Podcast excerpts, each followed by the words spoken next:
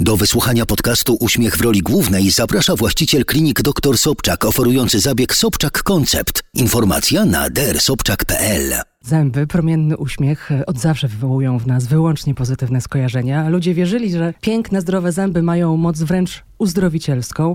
W wielu kulturach były oznaką zdrowia, a nawet nieśmiertelności. Zapraszam na pierwszy odcinek podcastu pod tytułem Uśmiech w roli głównej. Rozmawiamy z dr Barbarą Sobczak, implantolog kliniki dr Sobczak. Dzień dobry. Dzień dobry. Jest pani tą osobą, pani doktor, która doskonale zna moc pięknych, zdrowych zębów. Na przykładzie metamorfoz, które pani obserwuje. Jak e, ta metamorfoza, zmiana uśmiechu na piękny, iście hollywoodzki, zmienia też człowieka?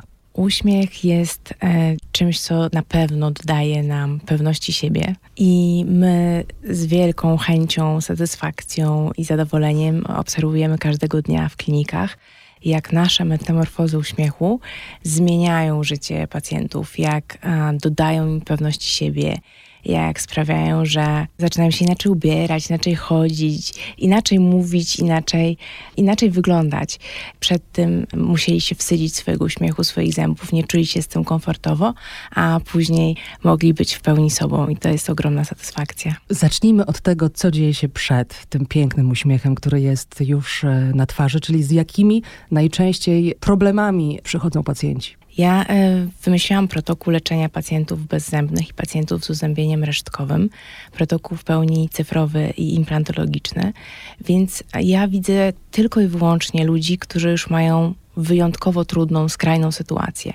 I są to ludzie, którzy albo już nie mają zębów i noszą protezy całkowite, albo są to ludzie, którzy mają właśnie zęby do usunięcia i wstydzą się tego, że nie mogą się uśmiechnąć w pełni, nie mogą zjeść w pełni, nie czują się sobą. Więc ja na wizytach pierwszych konsultacyjnych przede wszystkim to, co widzę i co czuję od moich pacjentów, to strach i wstyd. Natomiast zawsze im tłumaczę, że ja właśnie jestem lekarzem od takich pacjentów. Ja nie oglądam pacjentów, którzy mają e, zęby do e, ustawienia prawidłowego, tak jak ortodonci, czy, e, czy do wypełnień. Ja widzę pacjentów, którzy już są w tej sytuacji najbardziej trudnej i temu poświęciłam swoje życie zawodowe, żeby móc tym pacjentom z powrotem dać, tak jak my to mówimy, trzecie zęby. Czyli z powrotem sprawić, że na implantach oni będą mogli mieć most, który wygląda jak zęby i które czują jak zęby.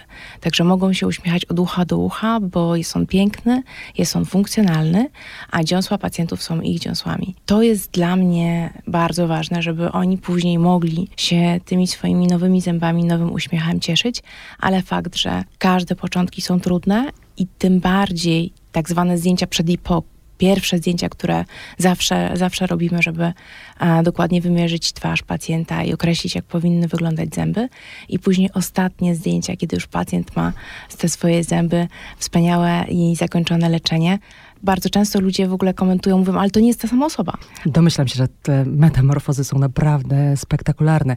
Zacznijmy od początku i wyjaśnijmy, bo chciałabym, e, żebyśmy poznali ten e, problem e, szeroko i kompleksowo, co to jest bezzębie tak naprawdę. Bezzębie to jest problem, który dotyka e, niemalże 8 e, milionów przypadków w Polsce wedle najnowszych danych. To, co to znaczy? To znaczy, że 8 milionów osób e, zmaga się z tym, że albo w szczęce, albo w żuchwie, albo w szczęce i żuchwie nie ma zębów, bądź ma uzębienie resztkowe, które kwalifikują tego pacjenta również jako bezzębie.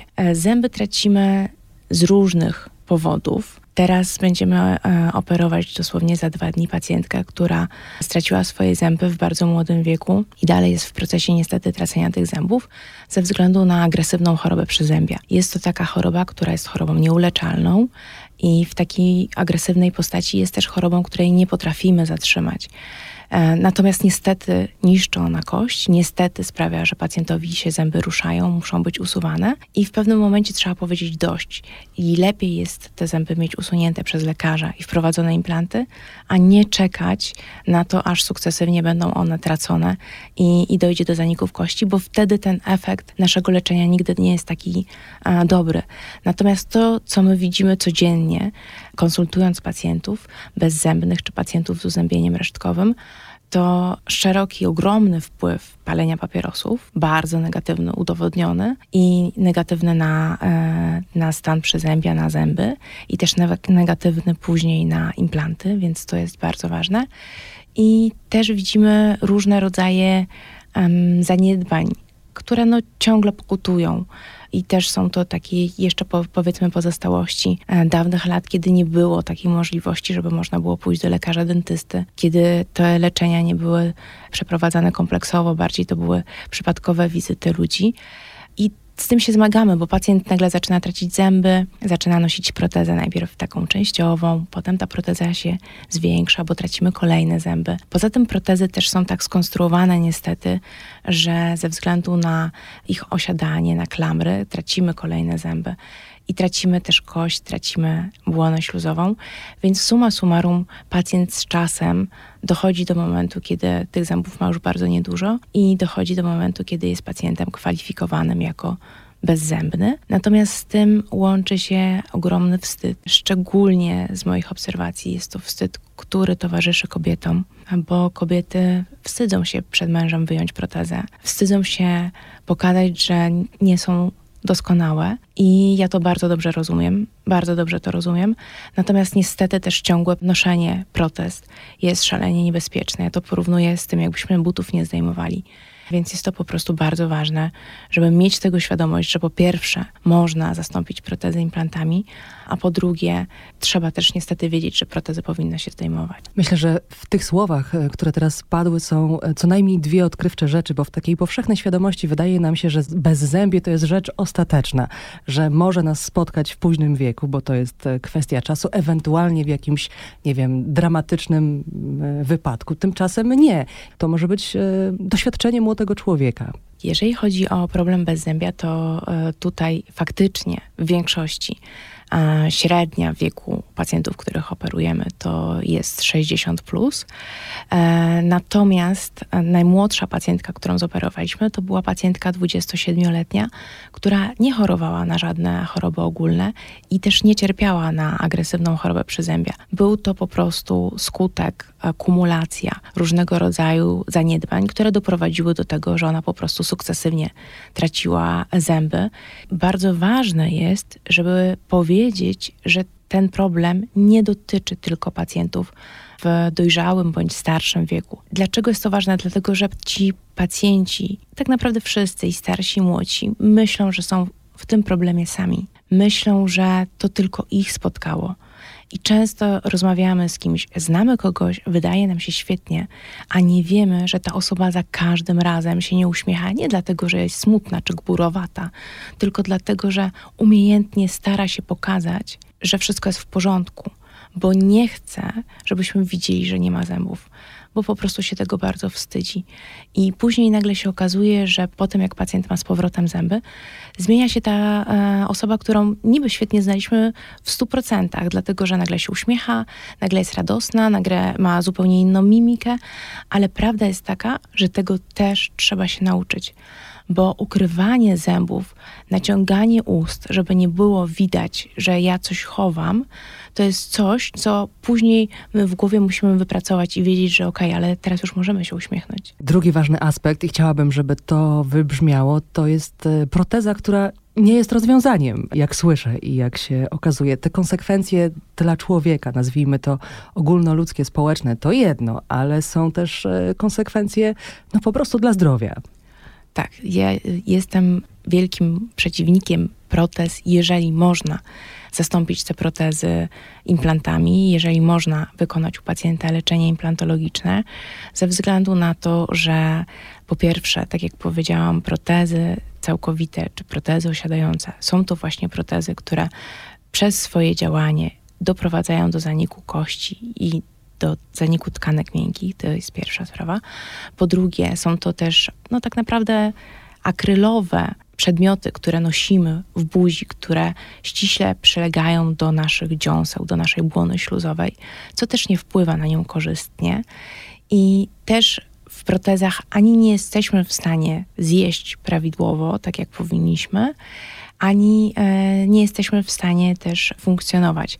Natomiast do tych aspektów takich stricte medycznych, no zdecydowanie dochodzi też aspekt psychologiczny, który też jest aspektem tak naprawdę medycznym. Pani doktor, kiedy powinna nam się zapalić taka czerwona lampka alarmowa, że, że no naprawdę to jest e, ten moment, nie zwlekajmy, zadbajmy o ten swój zdrowy i piękny uśmiech? Na szczęście świadomość dbania o uśmiech i chodzenia do dentysty e, w przeciągu ostatnich lat zdecydowanie wzrosła, to na pewno. Tym samym ci pacjenci, którzy już mają ten problem, tym bardziej starają się ukrywać.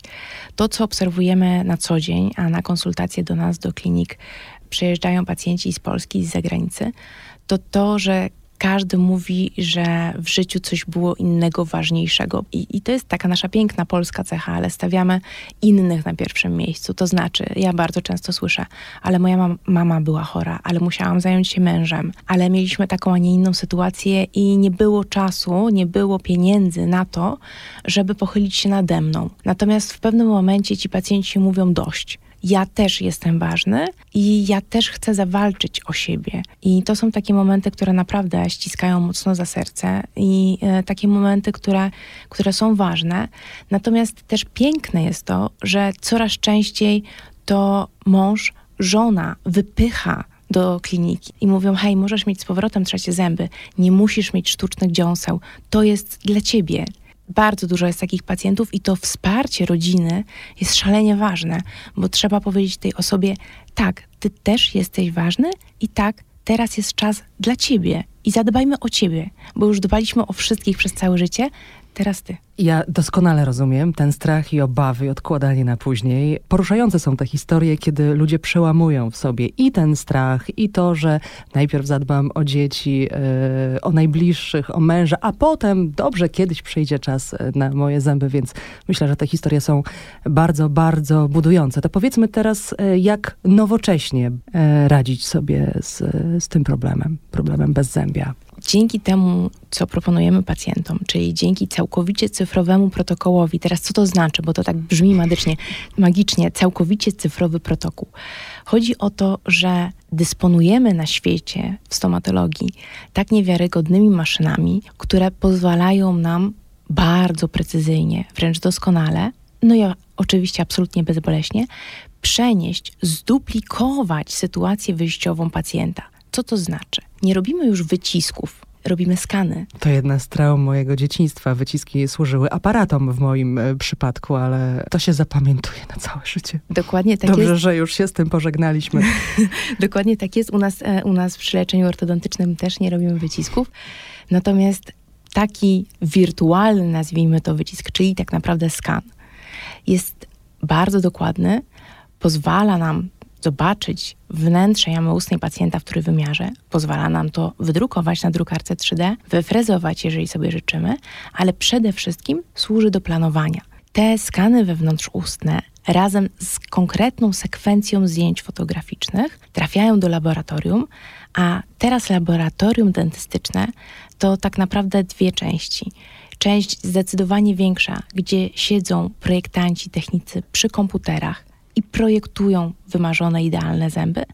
I mała część, gdzie maszyny wycinają bądź drukują ten projekt ultra dokładnie, a następnie jest on wykańczany przez e, mistrzów ceramiki. Więc dzięki temu oczywiście planowanie jest szybkie i absolutnie nie ma mowy tutaj o żadnym bólu. Wręcz jest mowa o takim zaskoczeniu, satysfakcji, że wow, to jestem naprawdę ja, czy ja mogę tak wyglądać.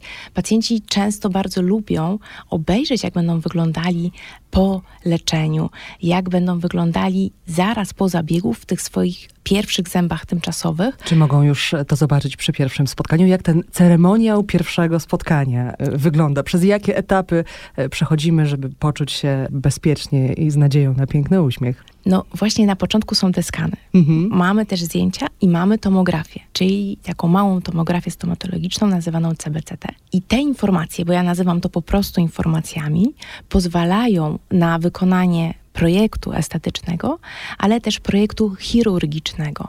Dlatego, że po zaprojektowaniu tych wymarzonych zębów, one trafiają z powrotem do mnie na mój komputer, gdzie najpierw w programie komputerowym umieszczam implanty wirtualnie i na podstawie tego drukujemy szablon 3D. Co nam to daje? Daje nam to naprawdę minimalnie inwazyjny zabieg. Pacjent się wczoraj pytał, bo ma do zoperowania, ma akurat protezy całkowite, czyli już Państwo wiecie, bez zębia góra i dół. I pytał, pani doktor, ale jak ja sobie dam radę, jak ja wrócę do życia, do pracy? Ja mówię, ale w Pana przypadku Pan będzie miał wprowadzone na górze sześć implantów i na dole sześć implantów przez małe dziurki, przez przyłożony, bardzo precyzyjny szablon, zrobiony na miarę dla pana. I jak pan sobie życzy, może pan iść do opery następnego dnia. I tak to wygląda. Natomiast właśnie po zdobyciu tych wszystkich danych w laboratorium tworzymy projekt. I ten projekt jest nie tylko estetycznie piękny, ale też jest bardzo prawdziwy. Co to znaczy? Czyli idealnie przylega i współgra z tkankami pacjenta, bo musi, i też idealnie już planujemy, jak pacjent zamknie buzię, jakie będą kontakty między zębami. Czyli nie mamy tego problemu, że nagle w zębach tymczasowych pacjent zamyka i coś nam nie pasuje. Tutaj nam kolokwialnie mówiąc wszystko pasuje i na tym etapie pacjent właśnie może zobaczyć. Na etapie, jak już sobie wszystko zaplanujemy, może zobaczyć, czy, czy to są te zęby, które by chciał, czy nie. Aczkolwiek przez to, że mamy już coraz większe doświadczenie i w tym roku zoperowaliśmy ponad 450 pacjentów pełnoukowych, tylko w tym roku, to wiemy, że pacjenci zdają się na nas. To znaczy, jak my mierzymy buzię, dobieramy kształt, e, szerokość zębów i mamy już w tym tak duże doświadczenie, to raczej powiedzmy, że prawie w 100% to jest dokładnie to, co też podoba się pacjentowi. Ale też pierwszy etap, czyli po zabiegu zęby tymczasowe, to jest coś, co taką próbą dla pacjenta, bo pacjent przez okres paru miesięcy gojenia się implantów może zobaczyć, czy chciałbym mieć dłuższe jedynki, krótsze jedynki, drobniejsze, bardziej szerokie. I to jest właśnie ten czas, bo nie tylko widzi się przez chwilę, ale naprawdę może użyć tych zębów, może zobaczyć, może pokazać wszystkim. I wtedy my ewentualnie nanosimy zmiany i most docelowy, cyrkonowy to już jest naprawdę taka praca dokładnie, o którą chodziło pacjentowi i nam. Brzmi trochę jak przymierzanie pięknej, bajecznej kreacji, w której potem e, będziemy błyszczeć gdzieś podczas ważnego wydarzenia. Mm, bardzo mnie ciekawi perspektywa pacjentów. E, wyobrażam siebie w takiej sytuacji. Jestem ciekawa tych reakcji, gdy po raz pierwszy widzą ten e, projekt. Tak, więc no, projekt to jest jedna sprawa, ale pacjenci, którzy już są zoperowani, a pamiętajmy, że zabieg trwa powiedzmy maksymalnie około dwóch godzin. Później pacjent relaksuje się, ogląda sobie e, telewizję u nas w klinice, a my w tym czasie doprojektowujemy część dodziąsłową i drukujemy zęby tymczasowe i je montujemy. Czyli tak naprawdę, jeżeli zaczynamy zabieg około 9.30, to 14, najpóźniej 15 pacjent wychodzi już do domu ze swoimi nowymi zębami, tak jak zaplanowaliśmy. I najczęściej to jest niedowierzanie. Bardzo często to są łzy szczęścia, bo ludzie sobie często nie potrafią wyobrazić, i myślę, że ja też bym sobie nie potrafiła wyobrazić, naprawdę, że to może być prawda i że to mogą być nowi oni i że to jest już ich życie, że to się po prostu wydarzyło. To są tak silne emocje, że my płaczemy oczywiście razem z pacjentami, ale też zawsze to mówimy, my pracujemy jako zespół. Kliniki dr Sobczak to trzy kliniki, dwie w Polsce, jedna w Dubaju. I to są bardzo silne, zgrane, świetne zespoły, które kochają ze sobą pracować, kochają coś tworzyć. Zapamiętała pani, e, pani doktor, jakąś konkretną e, reakcję, coś takiego, co zostaje w sercu pod powiekami? Ja pamiętam wszystkich moich pacjentów i to w ogóle, w ogóle wszyscy mówią, że to jest wręcz przedziwne, ale, ale pamiętam wszystkich pacjentów z, w ogóle z przeróżnych lat. A nawet pacjenci się nie spodziewają, że ja ich pamiętam, a ich pamiętam. E, natomiast, natomiast to już by się łączyło też z takimi, też się już trochę wzruszam z takimi intymnymi sytuacjami, dlatego że ja też wiem, jakie sytuacje życiowe mają moi pacjenci.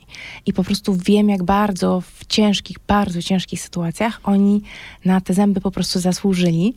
I teraz ja sama nie chciałabym się wzruszyć i płakać, e, opowiadając tę sytuację, ale wyobraźcie sobie Państwo, że naprawdę złe rzeczy mogą człowieka w życiu spotkać. I to jest taka troszeczkę mała nagroda. Więc jak my płaczemy, i ja też wiem, że, że oni płaczą, bo mają w sobie e, ten bagaż, no to jest to bardzo silne, ale chcę też powiedzieć, że ja się śmieję, na przykład jak mam konsultację, że nie mogę wychodzić z jednego gabinetu do drugiego, bo mówię do mojej asystentki, do pani Martynki, serdecznie ją pozdrawiam. Mówię, pani Martynko, ja nie mogę przejść tych dwóch metrów, bo od razu spotkałam trzech pacjentów, trzy osoby mnie przytuliły ja nie jestem w stanie w dwie minuty przejść po prostu z jednego miejsca do drugiego, bo jedna rzecz to jak pacjenci reagują po zabiegu, ale druga, jak po okresie gojenia, po 3 do 6 miesięcy, jak już mamy mosty docelowe i oni dalej są tak szczęśliwi i wdzięczni, że mogliśmy razem przejść tą drogą i że oni teraz naprawdę cieszą się tym swoim nowym życiem, bo co innego zobaczyć się, a co innego potem dosłownie tego posmakować mm.